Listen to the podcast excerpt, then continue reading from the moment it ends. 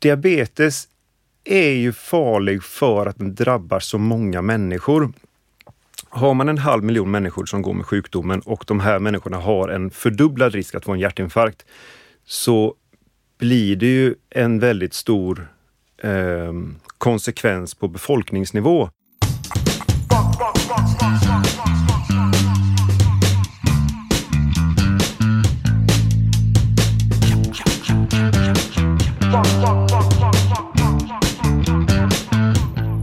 Hej, här är Akademiliv, podden från Salgrenska akademin som är den medicinska fakulteten vid Göteborgs universitet.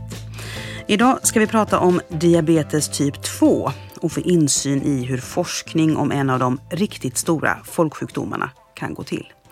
Vi som gör podden är kommunikatörer på Salgrenska akademin. Jag heter Elin Lindström och bredvid mig här sitter Karin Alander. Hej, hej. Eh, dagens gäst är läkare på vårdcentral och har de senaste åren också arbetat på sin avhandling om just diabetes typ 2 vid Göteborgs universitet. Emanuel Fryk, välkommen hit. Tack så mycket. Mm. Nu när vi spelar in det här så är det ju bara dagar kvar till du ska försvara din avhandling. Hur känns det? Ja, men det känns bra. Lite nervöst förstås, men eh, det ska bli roligt att få, att få visa vad jag kommit fram till under de här åren. Mm. Vi ska alldeles strax återkomma till den forskning som du har gjort eh, för din avhandling. Eh, men först ska vi prata mer generellt om diabetes typ 2. Som läkare på vårdcentral så möter du ju många patienter som lever med diabetes typ 2. Hur påverkas livet för de här människorna så som du upplever det? Man kan ju säga att det, det är ju, diabetes är ju ganska lång tid in i sjukdomen, en tyst sjukdom, så att eh, det händer ju inte så mycket för patienten eh, med sjukdomen då, utan det första stadiet, de första åren, tiotals åren egentligen, så är det ju mer att de måste komma till mig på vårdcentralen och att jag skriver en massa mediciner och att de måste tänka på hur de lever. Eh, det kan ju vara lite utmanande hur man tar till sig den informationen som patient eh, och då kan man nästan känna sig lite som en skurk, som läkare i alla fall. Då, eh, för patienten kan det ju upplevas eh, svårt tror jag. Att, eh, att man har den här sjukdomen som man inte märker av och att man samtidigt ska behöva tänka på, på vilka val man gör i sitt dagliga liv och att man känner att man inte kan unna sig saker på samma sätt. Och, och det kan vara svårt också att förstå exakt vad det är man gör i sin vardag som man kanske behöver tänka på. Då. Och så blir det mycket skuld och, och sånt så fort som man får eh, ska äta något med socker i till exempel. Då. Det är ofta det som man kopplar diabetessjukdomen till. Då. Och har man haft sjukdomen längre och börjar få problem då så, så är det klart att då blir det ju en sänkt livskvalitet på grund av det. Att man kanske inte har känsel i sina fötter längre, att man kanske har problem med sexuell funktion, att man har eh, eh, tarmen inte fungerar på samma sätt och så längre. Då, att man får sår på benen. Då, och då är det ju det som är, är besvärligt förstås. Och de här negativa symptomen som du nämner här, de hade kommit snabbare om man inte hade gjort de här livsstilsförändringarna eller inte tagit de här medicinerna och den här behandlingen som du kan erbjuda från vårdcentralens sida. Ja men så är det ju. Och det är ju det som är så positivt med diabetessjukdomen, att den, den går ju i så stor eh, utsträckning ändå att förebygga och begränsa komplikationerna. Då, eh, och ju tidigare vi hittar sjukdomen och ju tidigare vi sätter in behandling, eh, ju tidigare man kommer in med livsstilsförändringar, desto färre komplikationer får man då. Va? Så att eh, det är superviktigt att man hittar den här, eh, att vi aktivt letar efter sjukdomen. Och att man får med sig patienten på tåget där, att de faktiskt eh, förstår vikten av de här förändringarna. Att man säger så att gör det här nu så får du inte problem om 20 år. Va? Men det, det är alltid utmanande det där. Vi vet ju att det här är en supervanlig sjukdom. Det är en halv miljon svenskar som har den. Eh, och vi har också klart för oss att detta är en helt annan sjukdom än diabetes typ 1 som är en autoimmun sjukdom. Eh, vad vet vi mer? Eh, kan du ge oss de stora dragen? Man kan ju säga att det viktigaste att veta vid diabetessjukdomen är att typ 2-diabetes är att den är starkt kopplad till levnadsvanor och till övervikt och fetma. Eh, sen är det också så att det finns en, eh, en genetisk komponent i det här, en ärftlighet som består av många olika gener där man vet att vissa personer verkar kunna leva lite hur de vill och ändå så får de inte diabetes och andra kan vara ganska normalviktiga och behöver inte leva eh, så osunt men ändå så får de eh, diabetes ändå. Så det finns en, en genetisk sårbarhet hos individer. Eh, men det är också så att eh, livsstilen är ändå det viktigaste eh, för att avgöra vilka som kommer utveckla diabetes. Då. Mm. Eh, vad vet vi om, eh, om eh, de mekanistiska sakerna? Då? Hur, hur, mycket, hur mycket är känt kring vad det är som gör att sjukdomen utvecklas? Det är otroligt mycket som är känt om diabetes och det här är en, en sjukdom som vi har forskat på i, i över hundra år. Va? För hundra år sedan så ehm, eh, sa man att eh, det här är en sjukdom som ökar explosionsartat. Eh, vi måste bli bättre på att leta efter den. Ehm, om man lägger om livsstilen så kommer man att förebygga en stor andel av de här fallen. Och det, det här sa man eh, på 10-talet, 1910-talet redan då. Eh, sen har man upptäckt insulin och sett att det kan sänka blodsockret och, som man, eh, och redan på 20-talet, 1920-talet, upptäckte man att det fanns något som heter insulinresistens då, att det verkar som att vissa personer behöver man ge mer insulin för att sänka sockret med samma nivå. Då. Det är liksom de första mekanismerna vid diabetes. Sen har man sett att diabetesen är kopplad till saker som händer i levern, i musklerna, i fettet, i hjärnan, i tarmen och här har man många olika mekanismer som samspelar och påverkar varandra och där man forskar supermycket. Hur farlig skulle du säga att den här sjukdomen är? Diabetes är ju farlig för att den drabbar så många människor. Har man en halv miljon människor som går med sjukdomen och de här människorna har en fördubblad risk att få en hjärtinfarkt så blir det ju en väldigt stor eh, konsekvens på befolkningsnivå. Eh, för den enskilda individen behöver den ju inte vara så farlig om man följer behandlingsråden, om man tar mediciner, om man går på sina kontroller, om man går på ögonbottenkontroller varannat år. Ehm, då är det ju en, en tyst sjukdom som inte behöver ge konsekvenser på många decennier. Va? Ehm, så att är, om man liksom sätter den i, i, relation mot, mot aggressiva cancersjukdomar och neurologiska sjukdomar som, som det inte finns något bot och som... Ehm, då är den ju inte farlig. Va? Men det är just det att den drabbar många människor, den slår på många organsystem. Då. Jag är lite nyfiken på vad det är som händer i kroppen vid diabetes typ 2 som gör att man kan få alla de här följdsjukdomarna. Och där är det flera saker som spelar in. Eh, man vet att de man kan säga så här, konsekvenser av diabetes drabbar många organsystem. Den drabbar ögonen, njurarna, eh, sexuell funktion, känseln i fötterna, huden, hjärtat. Eh, och här finns det olika mekanismer som spelar in. Man vet att nerverna och de små blodkärlen, de tar skada av sockernivåerna. Så om vi bara kan hålla blodsockret nere så eh, kan vi förebygga en väldigt stor del av de komplikationerna.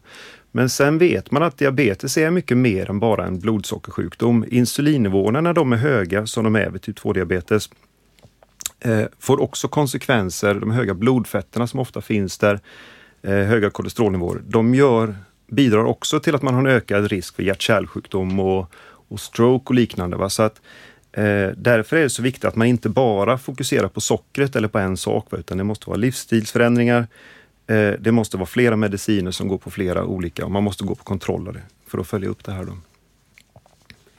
Det låter som ett eh, pussel att lägga. Eh, finns det någon fråga som du tycker liksom är särskilt viktig att få svar på när det gäller typ 2-diabetes? Det finns ju flera av de här komplikationerna som till exempel njurarna drabbas väldigt hårt och är en väldigt stor orsak till att personer behöver eh, behandling för sin njursvikt, eh, där är diabetes en, en, viktig del och där har vi eh, inte kommit så långt ännu i att ge målstyrda behandlingar mot diabetes. Det finns en del nyare läkemedel nu som, som verkar lovande men men just att hitta eh, förebyggande behandling för att skydda njurarna hos personer med diabetes är till exempel en sak som jag tror vi skulle kunna komma mycket längre i. Då, va? Eh, och sen är det det här andra också med att hur ska vi på ett effektivt sätt kunna eh, få patienter att faktiskt ta alla de mediciner som vi vill eh, ge dem, att lägga om sina livsstilsförändringar på ett sätt som ändå gör att de känner att de har ett, ett liv som är kul att leva och att man inte bara plockar bort allting som uppfattas som onyttigt och att man, att man känner själv att man har en kontroll över sin sjukdom och att man kan leva ett liv som är roligt att leva under många decennier utan att eh, få stå tillbaka för mycket. Eh, något som ofta anses vara en sanning om diabetes typ 2 det är att man först blir insulinresistent vilket innebär att kroppen måste producera mer insulin. Eh, men din grupp eh, gjorde en studie som pekar på att det kanske skulle kunna vara tvärtom, alltså att insulin, insulinnivån först ökar och sen kommer resistensen. Vad är det som gör att det här är en intressant fråga?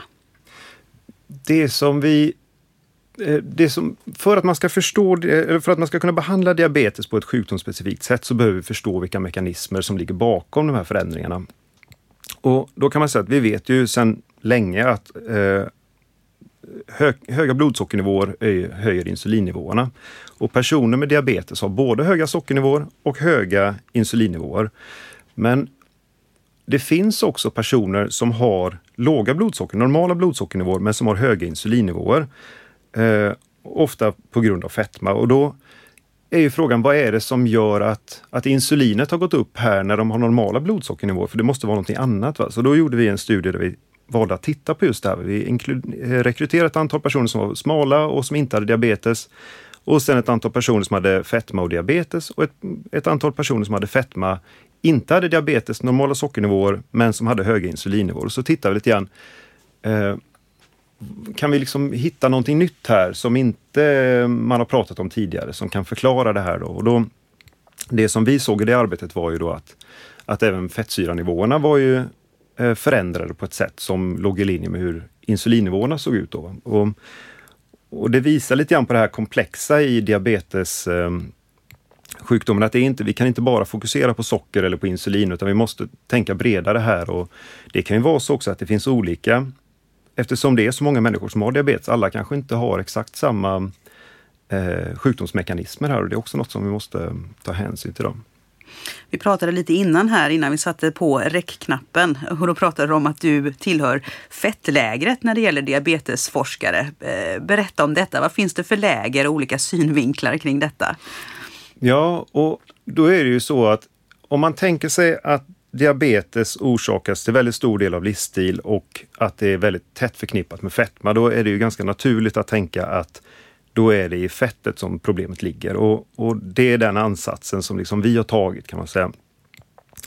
Sen finns det andra grupper som tycker det är väldigt intressant med bukspottkörteln eftersom det är den som sprutar ut insulinet. Och då tittar man ju mer på, på det organet då, va? och liksom vilka mekanismer det är som ligger bakom det här. Och så finns det andra grupper som tittar på levern, för det är levern som har eh, de stora sockerreserverna i kroppen och det är också den som styr vilka grundläggande sockernivåer som vi ska ha i blodet.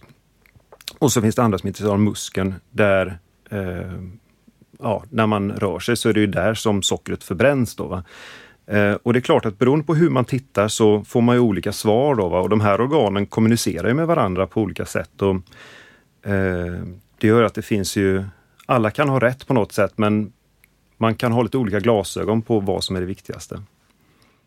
Mm. Um, du nämnde lite det här med fria fettsyror, tror jag, och, och resultat kopplat till det. Uh, vad är det med dem som gör att uh, insulin frisätts?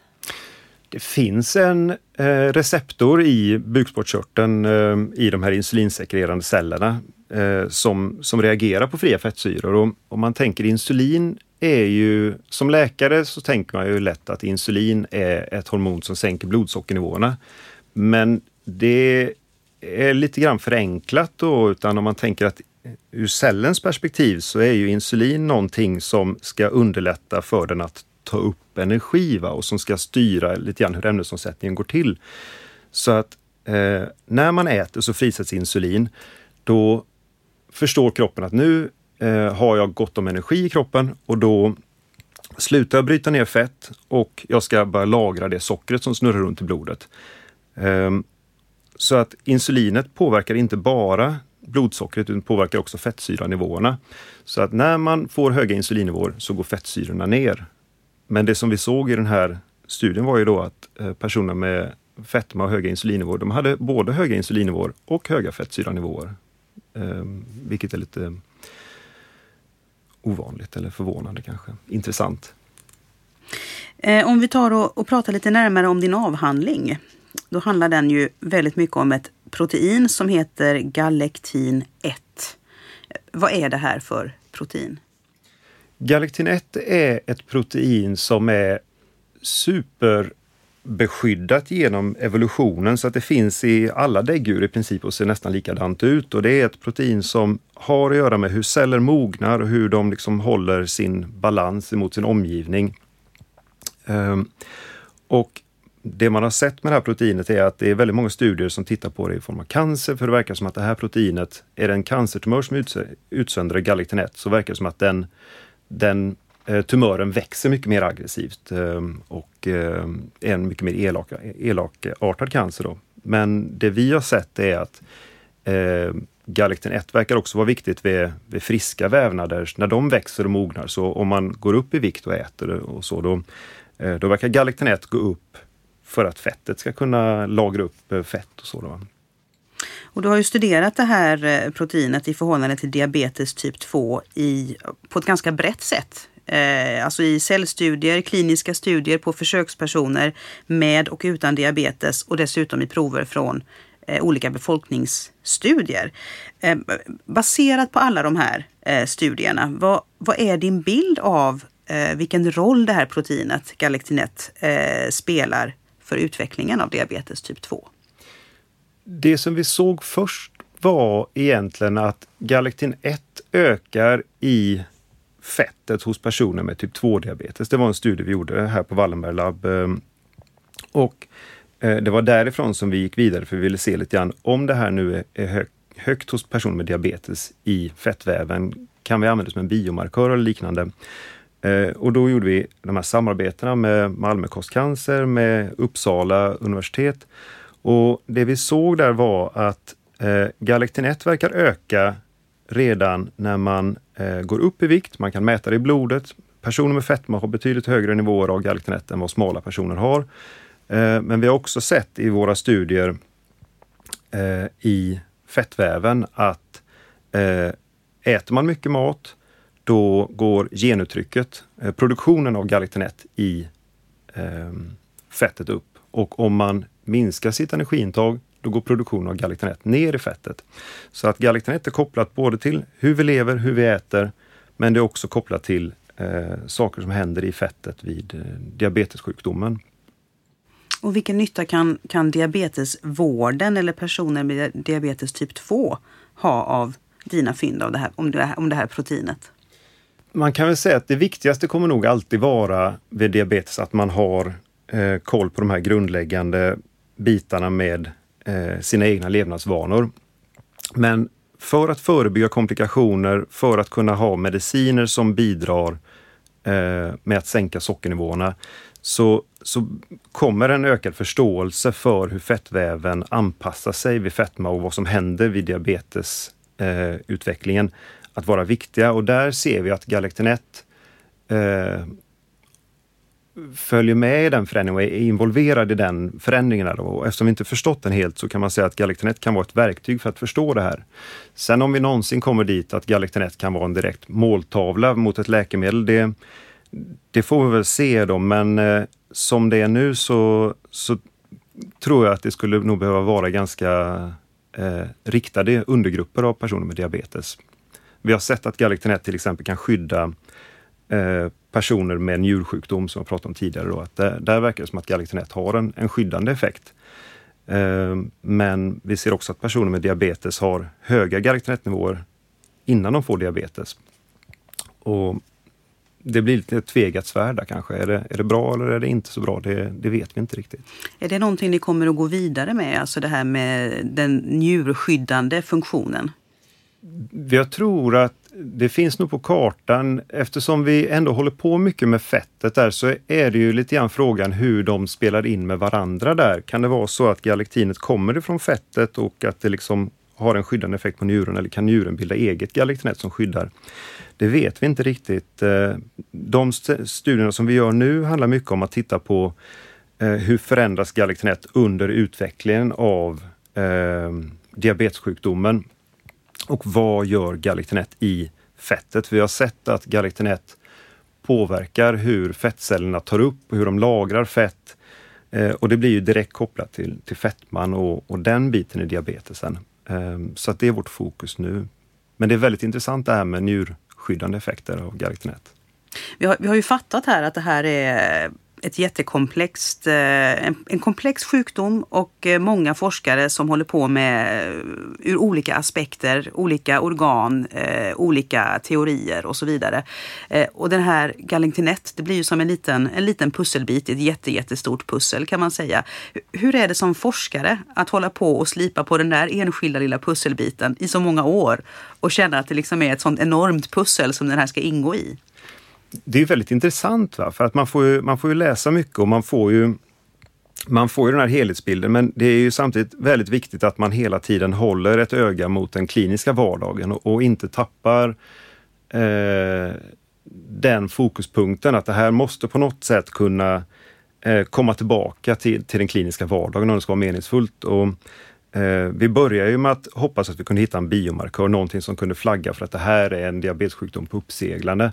Sen såg vi i de första studierna där att den här kommer nog inte vara så känslig att den kan vara det, men alla studierna visar samtidigt hur tätt kopplat den är till diabetes, att det finns kopplingar till komplikationer eh, och att det finns eh, eh en väldigt tydlig förankring att den kommer från fettet där. Och det gör ju att det ändå blir intressant att då blir den en markör för eh, mekanismer som vi idag inte vet om diabetessjukdomen och det, det blir intressant för att få liksom vi har inte så många mediciner idag som riktar sig kring mot fettet direkt. Va? Det finns några, men inte, det finns möjlighet för fler.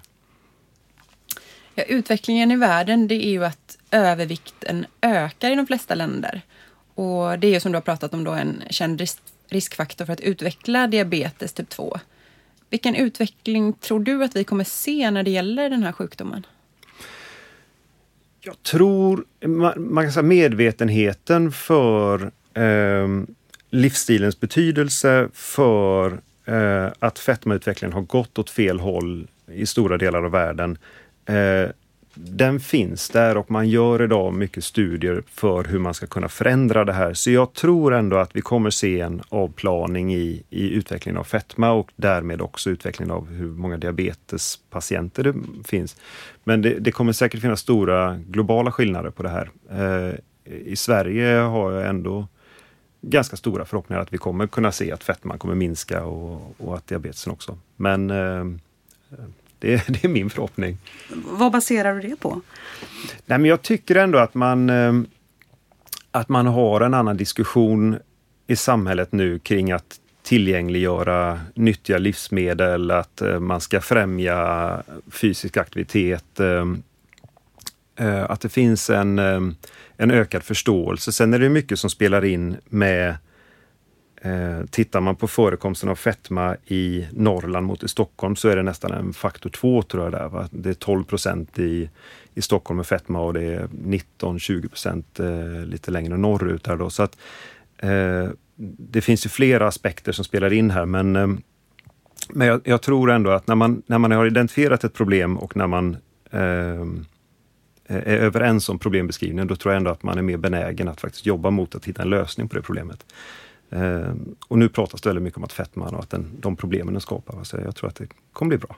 Samtidigt nämnde du ju att redan för hundra år sedan så pratade de om att detta var en sjukdom under uppseglande och att det var livsstilsproblematiken som var liksom boven i dramat. Hundra år sedan, 1910. Och, och det, är ju, det är ju svårt det här för att vi har ju samtidigt en samhällsutveckling där eh, vi får det allt bekvämare. Va? Det är lättare att eh, ha ett stillasittande skrivbordsarbete. Eh, godiset kostar lika mycket nu som det gjorde för 30 år sedan.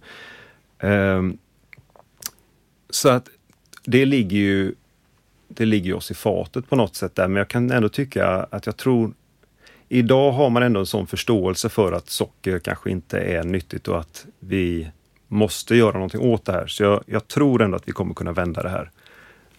Det pratas ju ibland om sockerskatt och sånt där, den typen av åtgärder. Vad, vad tänker du som diabetesforskare om sådana idéer? Jag, jag, tänker att det viktiga där är ju att vi vet vilken effekt de får. Va? Och att kunna utvärdera det på ett vetenskapligt sätt för att säga att det här är en åtgärd, om vi gör den här, då kommer vi få den här nyttan med det. Den, den kunskapen är väldigt viktig för att man ska få ett, ett stöd om man ska införa någonting som som inskränker på, på människors vardag. Då.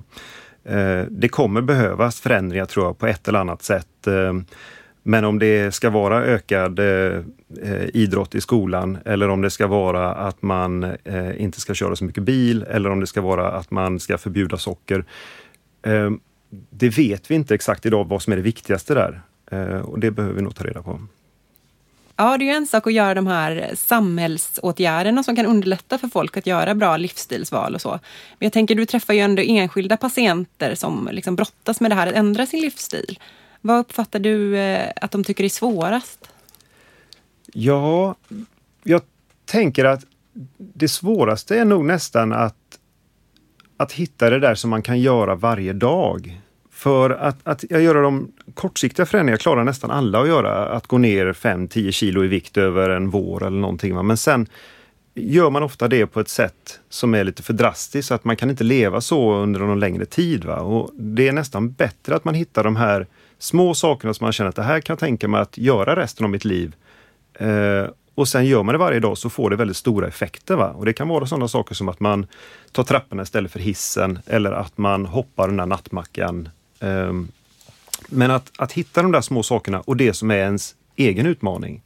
För att det spelar ingen roll om du springer maraton om du också ehm, äter väldigt mycket lösgodis. Eller tvärtom. Va? Ehm, man måste hitta vad är det som är, är min utmaning, vad är det som jag har den största, vad är det som gör störst skada i just min vardag? Är det alkohol, är det socker, är det att jag sitter stilla? Och så får man försöka hitta en förändring där. Du disputerar ju som sagt nu, nu på fredag faktiskt. Det är typ tre dagar till dess. Eh, och då är du klar med din forskarutbildning här på universitetet. Eh, hur ser du på din fortsatta forskarkarriär? Kommer du fortsätta att jobba med diabetes typ 2 eller andra sjukdomar? Jag, jag har ju ändå en ambition att fortsätta där jag är egentligen eh, och, och, göra färdigt det som, som jag fortfarande håller på med. För att jag får ju min examen på något sätt kan man väl säga där, men, men forskningen pågår ju då så att eh, eh som det är nu så vill jag, vill jag fortsätta eh, där jag är då. Jag tycker det är väldigt roligt att blanda det här med den kliniska vardagen och även eh, ta kunskapen framåt då, så att, att fortsätta med en kombination av, av eh, forskning och klinisk verksamhet tror jag är perfekt. Mm. Vad är det viktigaste som du tar med dig från din eh, doktorandtid? Det här hur man, hur man förhåller sig till, eh, till information är ju på något sätt eh, det dyker upp i början när man läser en vetenskaplig artikel så, så ser man att det här var, var viktigt och, och det här var signifikant och det här verkar vara den nya grejen. Men sen, sen blir det lite grann när man, när man ser att alla artiklar slutar på det sättet så, så förstår man att det blir inte bara Eh, att någon har hittat någonting utan det blir vad, vad var nästa steg, hur passar det in i det stora pusslet och just det här att man eh, ju längre man håller på att forska desto mer får man kanske en, en överblick och, och ser lite grann att var de olika pusselbitarna passar in och, och, och så. Det, det tycker jag har varit eh, det mest lärorika med att, eh, att hålla på med forskningen. Emanuel Fryk, jättestort tack för att du kom till vår podd. Tack så mycket. Vi sätter punkt här. Eh, Akademiliv är detta som du har lyssnat på. Det finns fler poddar i den här serien, en hel rad faktiskt. Du hittar den där poddar finns. Och vill du komma i kontakt med oss då kan du mejla akademiliv e. Tack så mycket. Hej då.